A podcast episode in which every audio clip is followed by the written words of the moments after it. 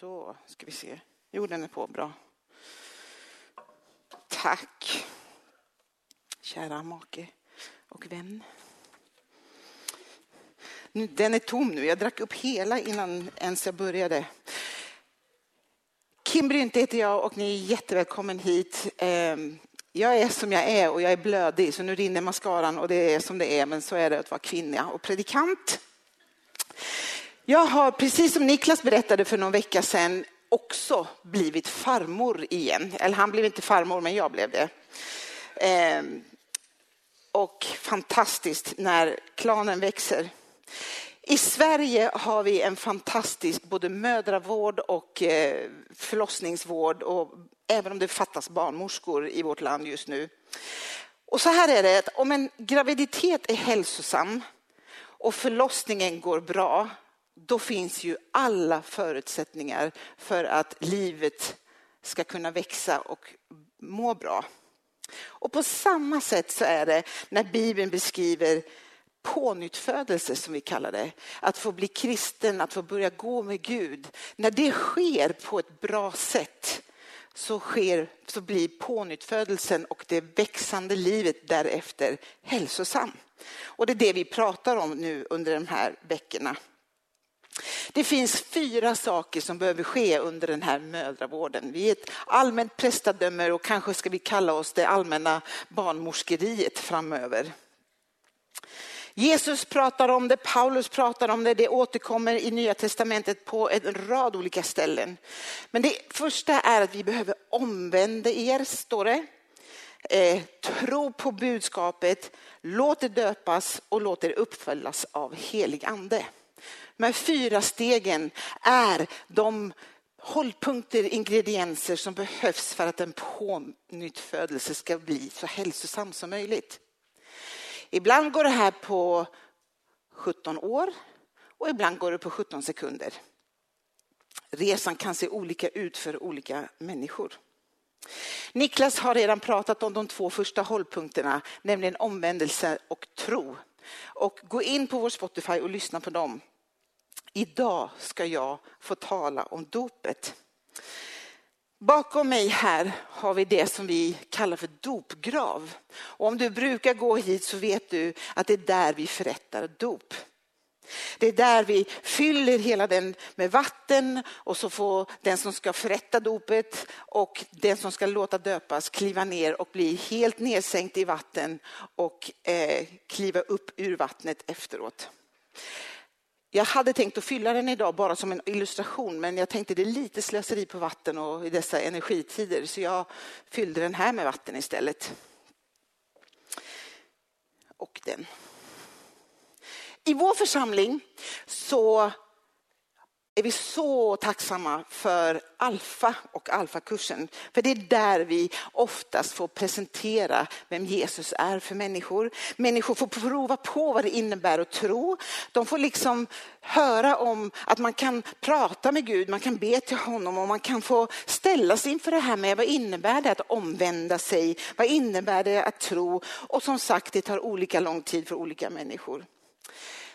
Men efter Alfa så bjuder vi numera alltid in till en dopklass eller en dopgenomgång. Och jag vågar nästan säga att efter varje gång numera så får vi lov att öppna dopgraven. Och då är det fest. Och jag ska försöka förklara varför det är så idag. Och jag vet att många av er här inne troligtvis är döpta. Hur minns du ditt dop?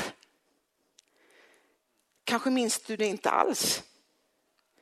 Kanske har du ett dopbevis som på något sätt är tecknet på att det verkligen skedde.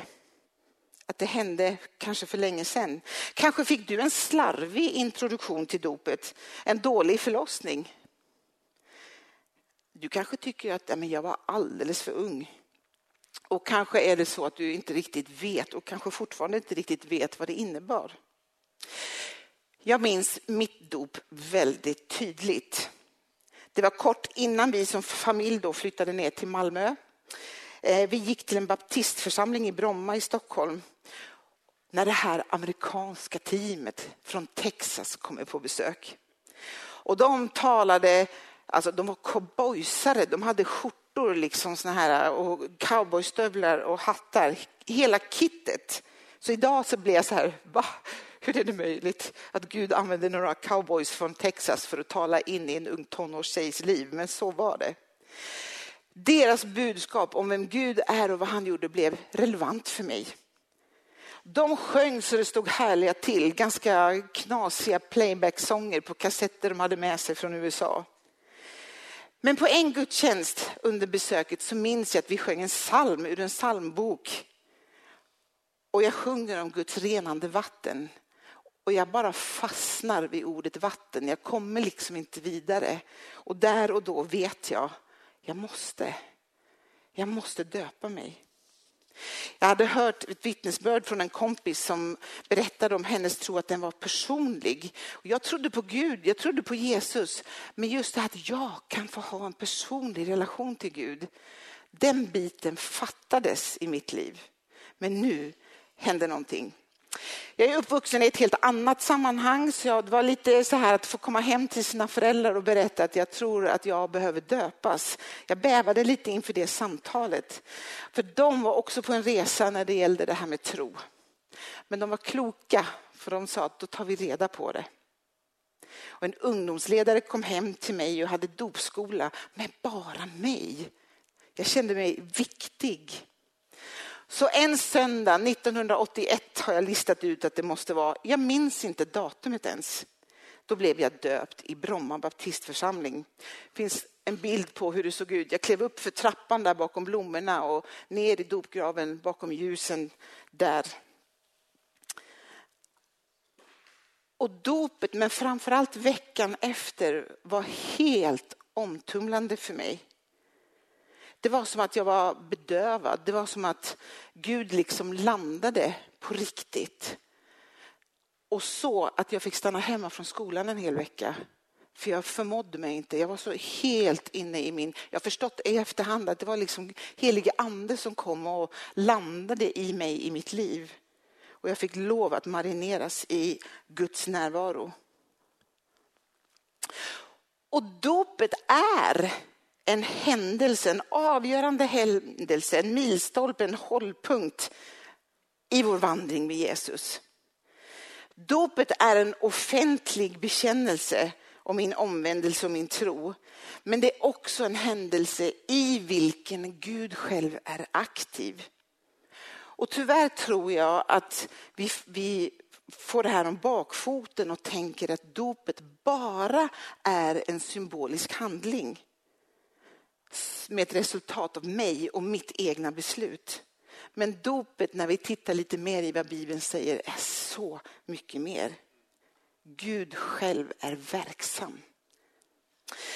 Men första gången vi stöter på dop i Bibeln så är det via en kille som heter Johannes.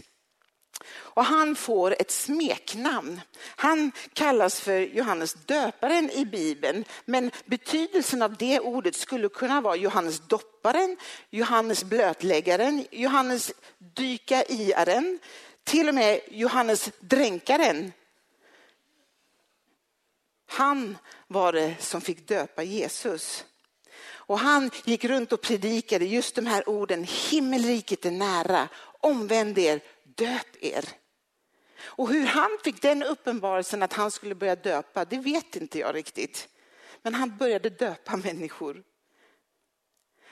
Och han ledde dem till syndernas förlåtelse, men i dopet så innebar det särskilt för ett judiskt folk på den tiden att man verkligen omvände sig, man fick en ny riktning, man tillhörde liksom ett ny, en ny folkgrupp. Man döptes in i Guds nya folk. Och det står om Johannes att många människor kom till honom för att bli döpta. Och han blev lite så här tjålig på dem och lite irriterad för han säger att ni kommer till mig och vill döpas men ni kommer av fel motiv. Gör inte dopet till någonting som det inte är. Det finns tre kategorier omnämnt, folket, tullindrivare och soldater. Folket, så säger han, det räcker inte med att ni tillhör Abrahams stam. Det räcker inte med att det här är en tradition i din familj. Det här räcker inte med att ni, så här gör man bara. Och så säger han, börja dela med er, bli generös som Gud är generös. Tullindrivarna så säger han så här, kräv inte mer pengar än vad ni har fått order om, alltså stoppa inte i egen ficka. Till soldaterna säger, tvinga inte till er pengar med våld. Lite märkligt hur alla tre verkar handla om pengar.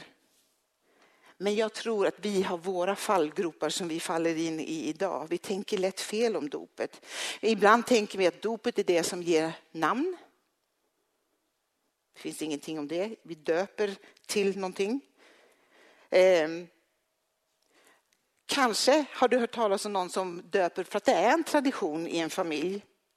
Eller att dopet liksom är det som ger medlemskap i Immanuelskyrkan. Att då har jag biljetten och jag har mitt medlemskort bara för att jag är döpt. Och jag möter ibland människor som tror att om jag döper mig så får jag uppehållstillstånd. Men det Bibeln säger att om vi döper oss och tror att vi bara kan leva på som vanligt, då tar vi miste.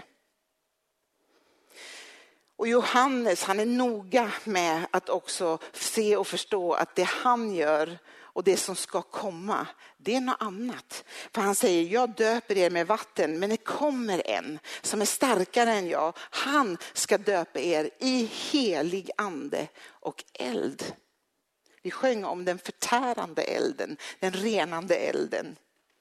Och så säger Johannes då att men bär sån frukt som hör omvändelsen till. Det behöver ske ett skifte i ett liv, en, kanske en riktning har vi varit inne på, lyssna på omvändelsen. En ny, nytt sätt att tänka, nytt sätt att vara. På något sätt, hur känner vi igen omvändelsens frukt? Och på något sätt så verkar det bli synligt och påtagligt efter omvändelsen. Men det är också tänkt sen att den här frukten ska få växa och mogna och bli rikare under hela vår vandring, längs hela livets vandring. Och som pastor så får jag förmånen att få möta människor och hjälpa människor ibland att sätta ord på vad den här omvändelsens frukt kan innebära. Och det är faktiskt en uppgift som jag har lärt mig att inte ta lätt på. Det är ett ansvar. Och jag kan känna igen mig i att när Migrationsverket ska bedöma om en tro är genuin så kan det vara lite knepigt att bedöma det. Men man bedömer det på omvändelsens frukt. Och det är därför vi ber alla som vill låta döpa sig att få dela sin berättelse. Vad var skillnaden mellan före och efter? Hur kan du sätta ord på det, på det som har hänt? Och så brukar ni få se och läsa det som ett vittnesbörd på väggen. Jesus, när han kommer ut och börjar predika så säger han också Gå ut till alla folk och gör dem till mina lärjungar. Döp dem i Faderns, Sonens och den helige Andes namn och lär dem att följa allt som jag har befallt er. Och här finns det många spännande saker att titta på. Vilket uppdrag vi har att gå ut och göra lärjungar. Att döpa dem och så säger han i Faderns, Sonens och den helige Andes namn innan helige Ande ens är utgjuten. I mitt namn. Alltså inte Kim, men Jesus, ni fattar. Ehm, och sen hjälp dem att följa. Jesus uppmanar till dop. Om vi vill vara lärjungar så vill vi göra det han säger. Och det är fascinerande också att Jesus själv aldrig döper någon utan det är andra som gör. Och kanske är det något sånt där att ja, men det är faktiskt inte det viktigaste att jag blev döpt av Jesus och du blir bara döpt av Paulus och jag, utan han, han bara döpte ingen. Och han går så långt som att han låter sig själv döpas. Inte för att han har något att omvända sig ifrån utan för att han vill visa oss en väg att gå. Han vill visa att här finns en vägdelare, gå den här vägen. Och han vill leda vägen in i det nya förbundet med Guds nya folk. Och så, här står det kring hans dop. Men när nu allt folket kom för att bli döpta och också Jesus hade blivit döpt och stod där och bad, då öppnades himlen. Den helige ande sänkte sig ner över honom i form av en dua och sa, du är min älskade son, du är min glädje. Och så tänker jag att Gud säger om varenda en som låter sig döpas. Du är min älskade son, du är min älskade dotter. Du kommer in i ett sonskap, ett dotterskap till Gud själv och du kommer alltså in i förbundet av det nya folket. Och du är min glädje. Hisnande. Men dopet är också en dag, en tid och en plats, ett event som äger rum. Eh, som du kan påminna dig om och du kan påminna dig om det beslut du har fattat. Jag till exempel minns inte vilket datum jag döptes på, men jag minns att det var på sommarhalvåret. Jag minns dagen och jag minns verkligen veckan efteråt. Och ibland kan det vara, om du tänker, nu har Johan och jag varit gifta i 30 plus år och ibland så kanske vi glömmer vår bröllopsdag. Men det spelar ingen roll, eventet har inträffat. Jag är fortfarande gift även om jag glömmer dagen. Även om jag kanske glömmer innebörden av den. Det var ett händelse som ägde rum i tid och plats. Så även om du inte minns din dopdag eller vilket datum det var så fråntar det inte faktum att det har hänt. Inget brudpar står framme vid altaret och förstår fullt ut vad ett äktenskap innebär. På samma sätt förstår inte den som låter sig döpas fullt ut vad dopet eller lärjungaskapet innebär. Men det är ett heligt beslut, det sker inför vittnen och din förståelse, din kunskap, din relation kommer öka längs vägen. Det är också en början på någonting. Jesus började sin tjänst efter han döptes. Och han fick kliva in i sin ja, nya identitet om du vill kalla det så. Ett uppdrag. Och hjälp dem hålla alla bud. Det finns en fortsättning. Det finns ett vandra vidare. Vi vill hjälpa honom, hjälpa varandra att följa honom i allt, säger vi i den här församlingen i vår vision. När det gäller tid, pengar, familj, äktenskap, jobb, allt vill vi följa honom i. När den helige ande sen utgöts på den första pingsten, när Petrus är den som får kliva fram och liksom berätta om skeendet av vad som sker när helig ande kommer, så står det att många människor omvänder sig, tror Gud. Så ställer de frågan, men vad behöver vi göra nu? Och så kommer de här orden, omvänd er, låt er döpas, så att ni får förlåtelse för era synder. Då får ni helig ande som gåva. Och så, när vi läser Nya Testamentet så förstår vi att dopet är viktigt, dopet är centralt och gissa vad Niklas ska förkunna om nästa vecka. Dopet är heligande. Och om vi tar den stora bilden av Gud, att han är densamma igår och idag och, och så, så kan vi också se hur hans hjärta hjärta för att rädda, rena, upprätta sitt folk har varit där hela tiden. Tittar man på, jag ska bara göra en sån här bild av, tittar man på en satellitbild av jorden så ser man att den innehåller väldigt mycket vatten. Inget liv kan finnas till utan vatten. Jag blir påminn om det varje vecka när jag glömmer att vattna mina blommor. Vi är värdelösa på blommor hemma hos oss. En människa klarar cirkus tre dygn utan vatten. Och för några år sedan hade jag en kille på besök i mitt hem och han kom från Indien. Han kunde inte för sitt liv förstå att vi spolar i våra toaletter med dricksvatten. Vilket slöseri. Jag försöker dricka två till tre liter vatten om dagen. Jag bor i ett land där jag kan det. Men vatten kan också vara farligt. Jag bor på en plats där det finns strömmar eh, i vattnet. Eller jag tänker på Pakistan som just nu lever i konsekvenserna av de värsta översvämningarna på väldigt länge. Då blir plötsligt vattnet en plats för skadedjur och sjukdomar som växer och frodas väldigt fort. Det vattnet kan ingen dricka utan att bli sjuk.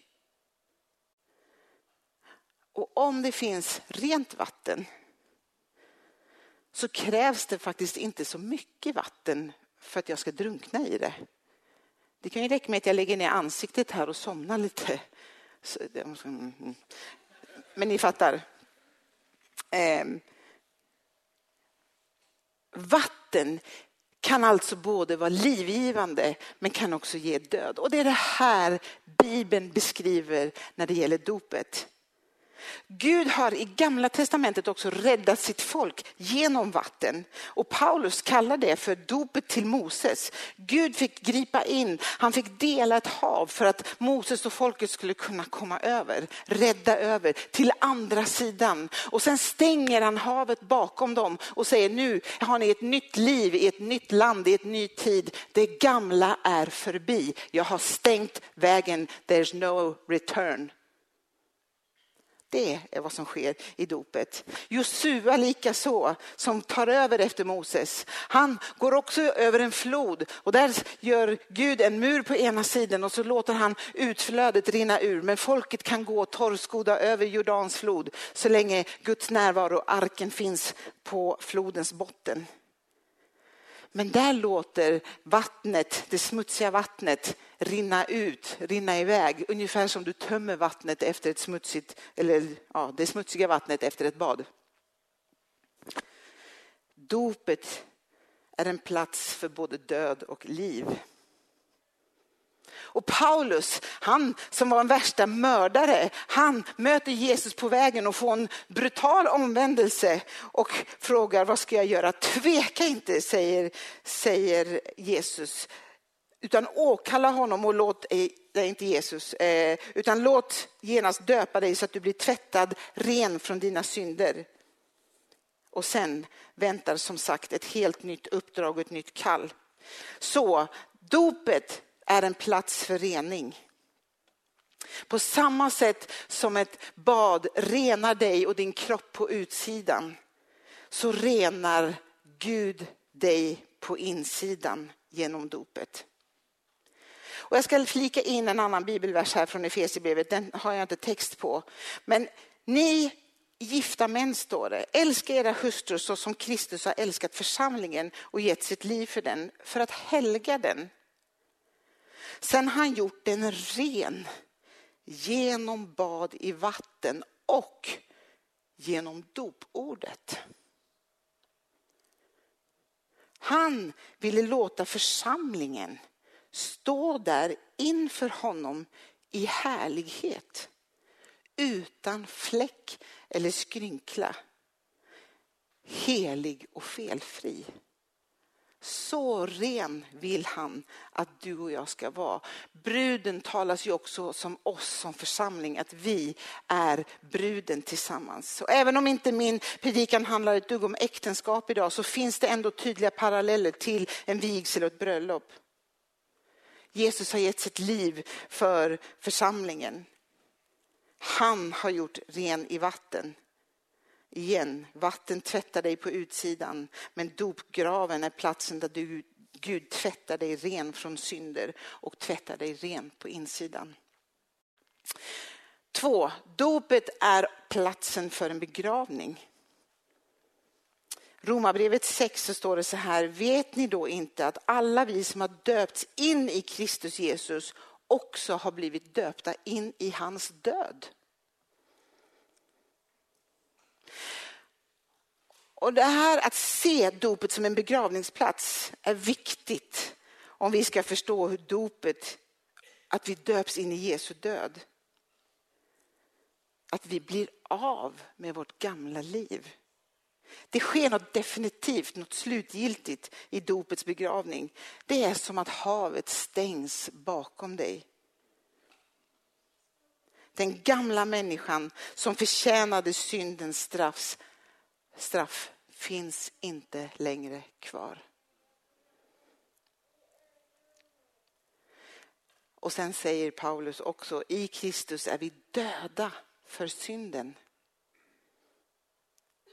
Det betyder inte att vi aldrig kan synda mer, men vi är döda för konsekvenserna av synden. Men vi lever för Gud. Och plötsligt blir det begripligt att det här kallas för en dopgrav. Och på samma sätt som Jesus dog och begravdes så vill han att våra gamla liv ska dö och begravas. Och sen står det så här, jag ska läsa hela Romarbrevet 6, 1-4. Så vad innebär nu detta? Ska vi fortsätta synda så att nåden kan öka? Nej, självklart inte. Vi har ju dött bort från synden. Hur skulle vi då kunna fortsätta leva i den? Vet ni inte att alla vi som har döpts in i Kristus Jesus också har döpts in i hans död? Genom dopet är vi både döda och begravda tillsammans med honom. Och på samma sätt som Kristus uppväcktes från de döda genom Faders härlighet får också vi nu leva ett nytt liv. Han har räddat oss från mörkrets välde och fört oss till sin älskade sons rike. Genom sonen har vi köpts fria och fått förlåtelse för våra synder. Kolosserbrevet. Så jag vill bara uppmuntra dig. Om du är döpt men du inte minns den dagen eller du minns den vagt, det spelar ingen som helst roll. Du blir inte mindre gift för att du inte kommer ihåg din bröllopsdag. Lite klantigare kanske. Dopet ger dig ett nytt liv och ett nytt medborgarskap i Guds rike. Lev då i honom. Vet att du kan ställa dig upp och från och med den dagen, det kanske är som i mitt fall många, många år sedan. Jag vågar inte räkna hur många år sedan det var.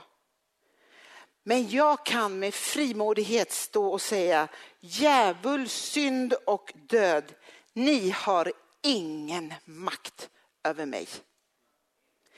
Jag är död och begraven för synden och jag lever nu i och genom Kristus. Syndens konsekvenser har ingen hållhake på mig. För mörkrets rike och för världen är jag förlorad. Men jag är både vunnen och funnen av honom. Genom dopet är jag en ny skapelse, en del av Guds rike, av Guds folk och den levande Gudens församling. Och jag tror att det här är en anledning till varför en del upplever en kamp innan dopet, innan beslutet om att låta sig döpas. För det är så uppenbart att den onde förlorar makten över oss. Och att det är Gud som vinner. Vi lever i en andlig verklighet. Och jag ska ge ett exempel från Eh, en teolog som heter David Pawson, han hade en vän som, som var den här pastorn. Men en man hamnar i syndanöd. Han har gjort mycket fel, han har levt i kriminalitet och han någonstans vet att den enda som jag kan vända mig till nu, det är en gammal kompis. Jag tror vi gjorde lumpen tillsammans. Jag måste hitta honom. Jag vet att han är pastor nu. Och så gör han det han kommer på att göra. Han går till en spågumma och säger att jag måste få tag på den här pastorn. Kan du hjälpa mig att leta upp honom?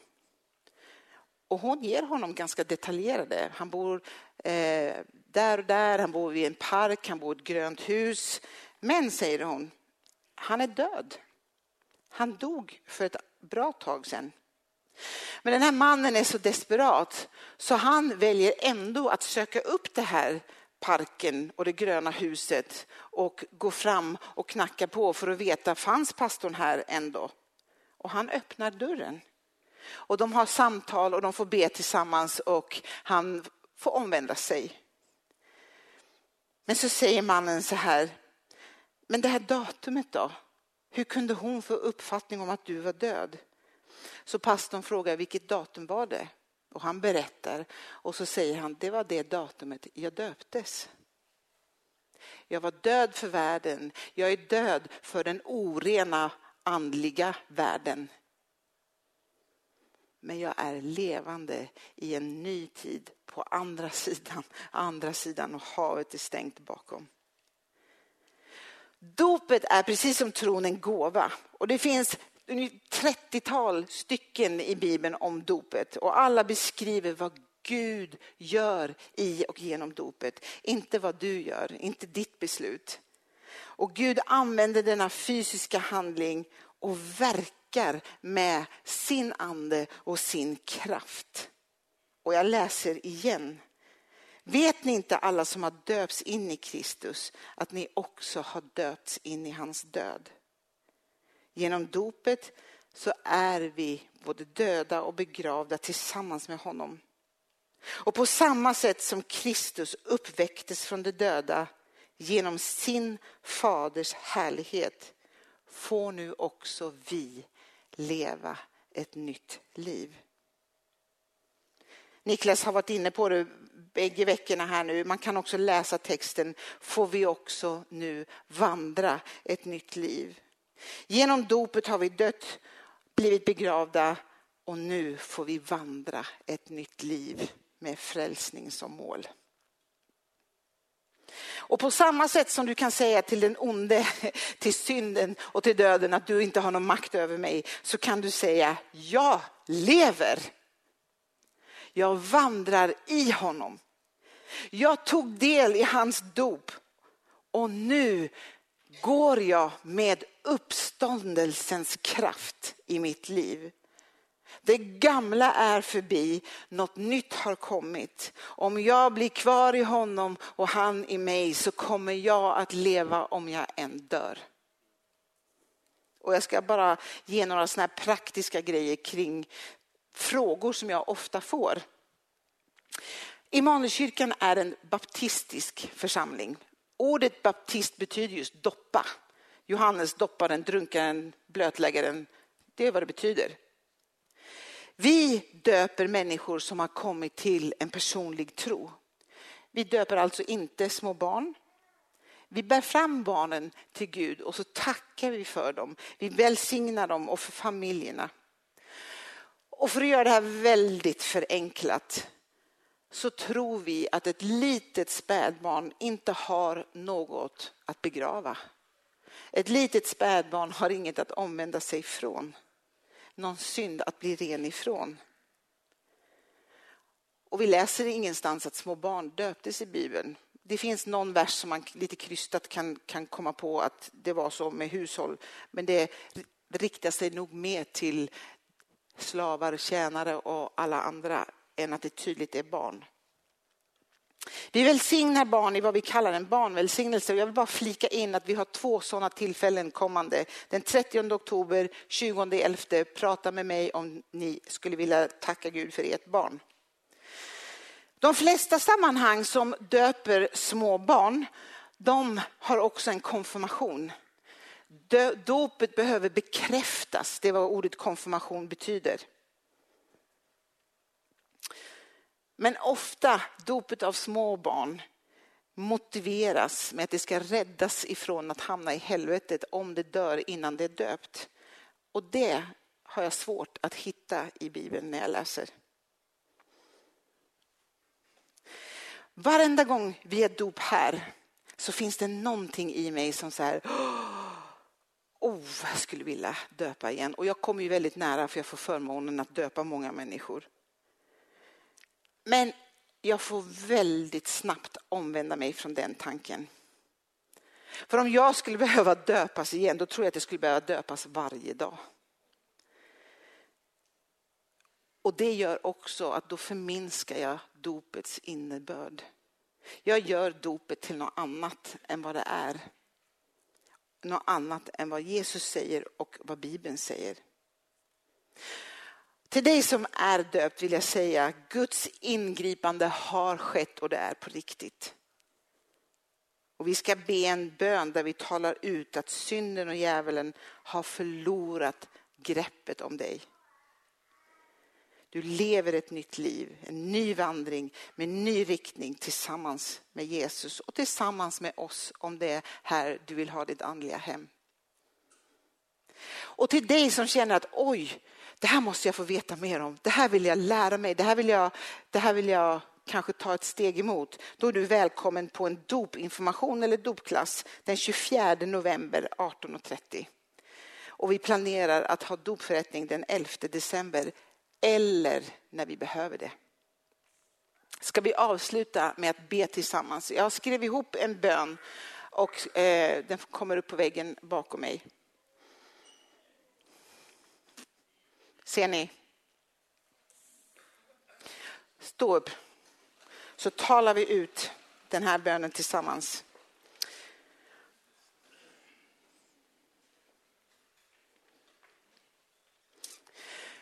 Jesus, jag tackar dig för vad du har gjort på korset. Tack för din räddning genom döden och uppståndelsen. Tack för gåvan i dopet. Djävul, synd och död, ni har ingen makt över mig. Jag är död och begraven för synden och lever nu i och genom Jesus Kristus. Tack Gud för att du har fört mig från mörkrets rike till din älskade sons rike. Genom dopet är jag en ny skapelse, en del av Guds rike och en del Guds folk. Av Jesus i dödet och har nu del av uppståndelsens kraft. Jag lever och fortsätter vandra i Kristus. Om jag blir kvar i honom och han i mig kommer jag att leva om jag än dör. Amen.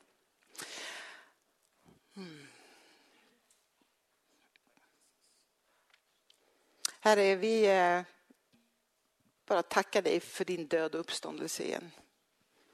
Herre, tack för att räddningen av ditt folk alltid har legat på ditt hjärta. Och Herre, tack för att du är en Gud som också vill hjälpa oss att hitta vägen. Herre, tack för att du är en Gud som hjälper oss att navigera rätt när vi liksom börjar gå på villovägar. Herre, tack för att vi kan få leva i dopet. Dopets kraft, uppståndelsens kraft, Herre. Vi längtar efter att få se den, smaka den och känna på den ännu mer i vår gemenskap, Herre. Jesus.